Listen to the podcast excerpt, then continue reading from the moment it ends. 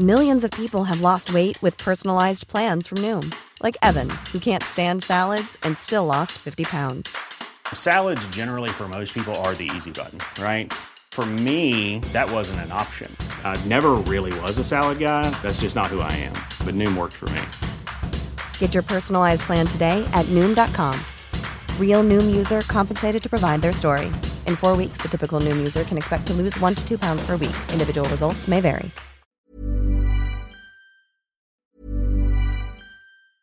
Many of us have those stubborn pounds that seem impossible to lose, no matter how good we eat or how hard we work out. My solution is PlushCare. PlushCare is a leading telehealth provider with doctors who are there for you day and night to partner with you in your weight loss journey. They can prescribe FDA-approved weight loss medications like Wagovi and Zepbound for those who qualify. Plus, they accept most insurance plans. To get started, visit plushcare.com slash weight loss. That's plushcare.com slash weight loss. Hold up. What was that? Boring. No flavor. That was as bad as those leftovers you ate all week. Kiki Palmer here, and it's time to say hello to something fresh and guilt-free. Hello Fresh. Jazz up dinner with pecan-crusted chicken or garlic butter shrimp scampi. Now that's music to my mouth. Hello Fresh. Let's get this dinner party started. Discover all the delicious possibilities at hellofresh.com.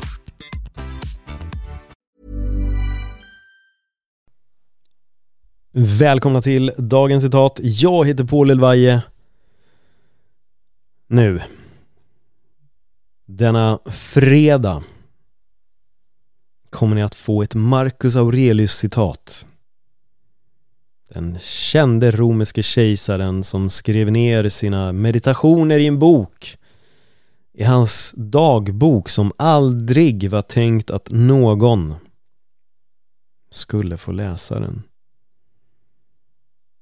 Och nu sitter jag här 2000 år senare och citerar, ska citera just en mening ur Marcus Aurelius bok Meditationer. Det är fantastiskt ändå med dessa dagböcker som på något sätt har nått ut till eh, mänskligheten på det här sättet.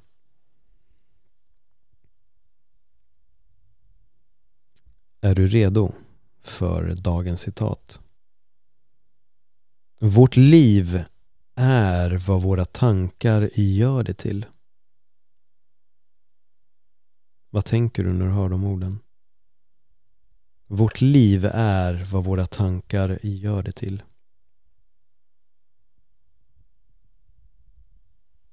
Vad tänker du?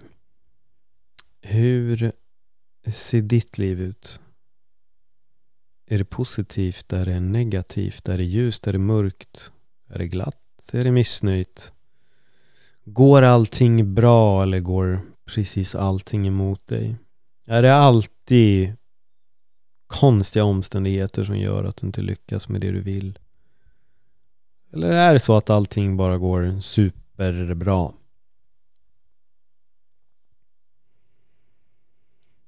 Den här meningen är fantastisk för att den prickar så otroligt mycket. Vårt liv är vad våra tankar gör det till.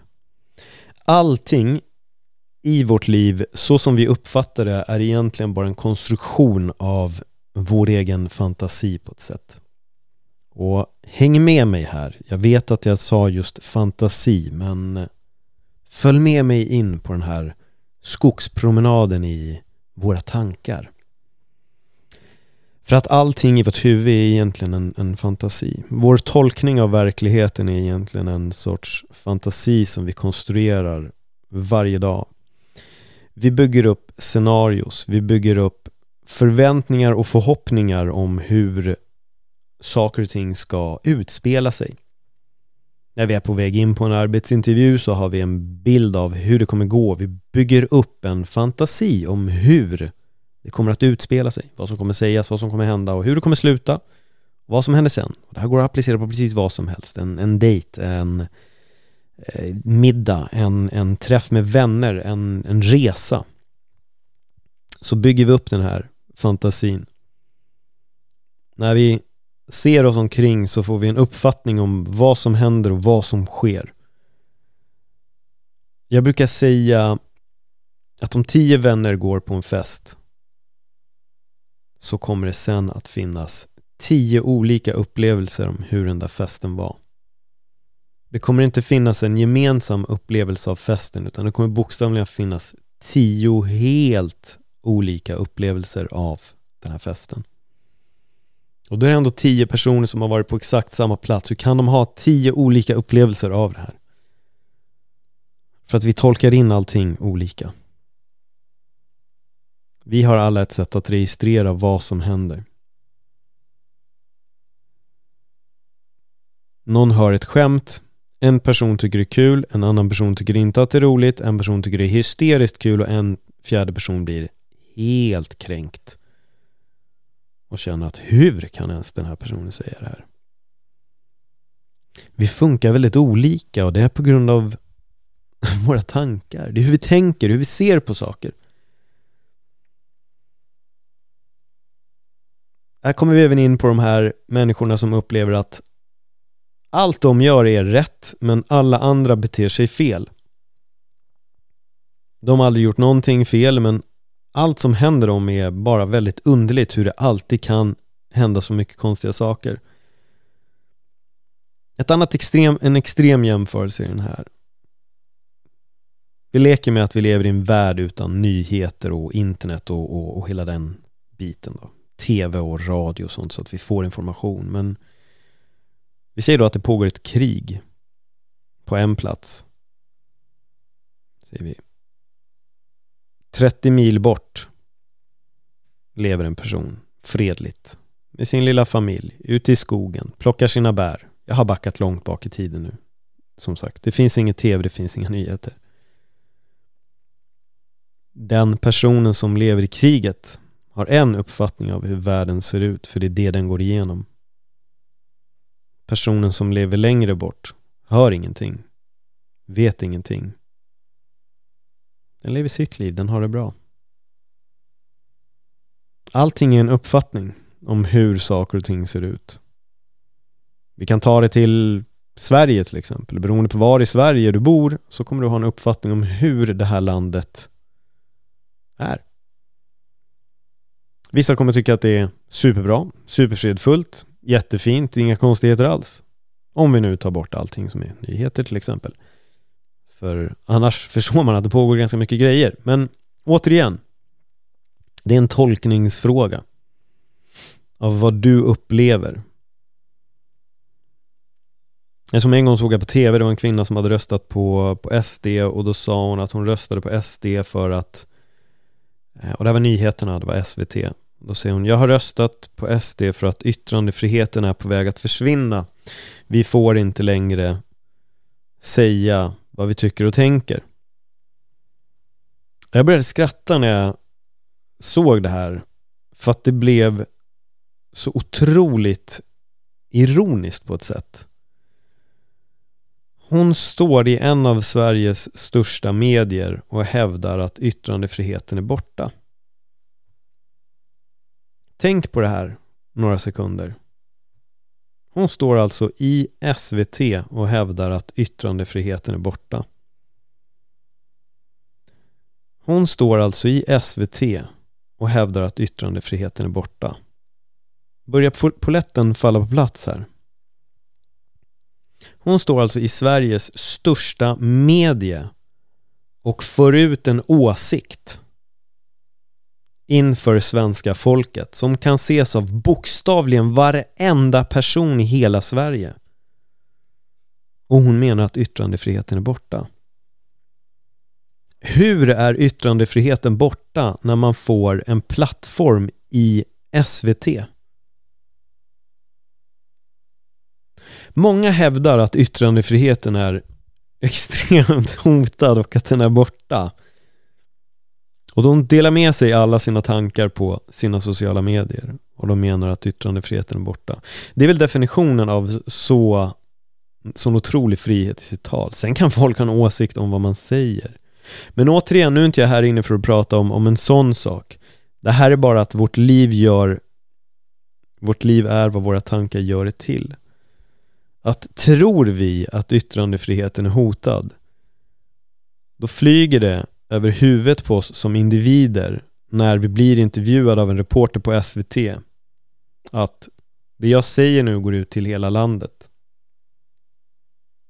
Till hela svenska befolkningen. Det betyder inte att alla kommer se, men vårt liv är vad våra tankar gör det till. Börjar vi tro på vissa saker så kommer vi att se det hela tiden. Människan är inprogrammerad att se mönster. Vi ser mönster i allt. Och det är så vår hjärna funkar. Våra tankar skapar en omvärld.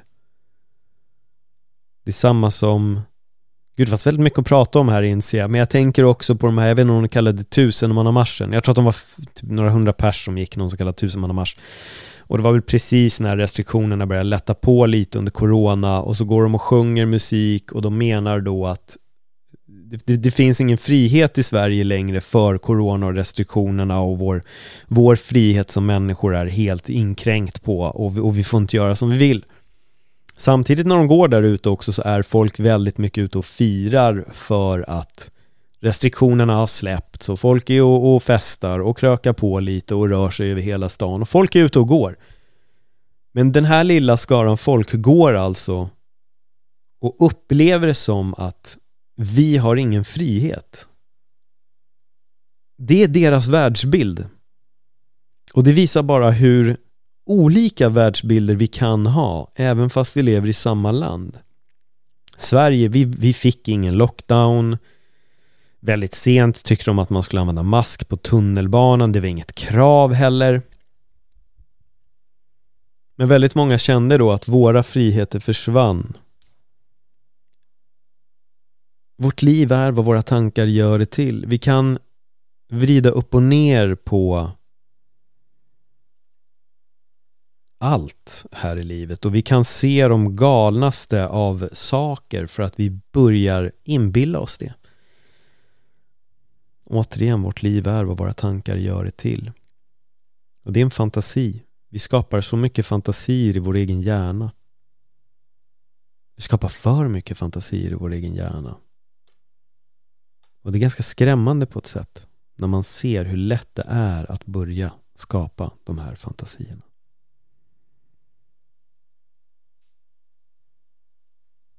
Vad tänker du om Marcus Aurelius citat och den långa ranten här som jag gick loss på? Vad tänker du runt det?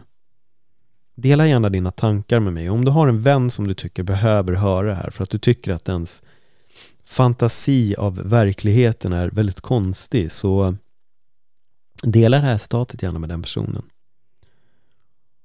Ja, du kan skriva till mig på att dagens citat podcast för att höra vad du tycker och tänker. Kom ihåg att ditt liv är just vad dina tankar gör det till. Tänk på de här orden under den här helgen så hörs vi på måndag igen. Så får jag önska dig en trevlig helg. Tack för att du lyssnade. Hej då!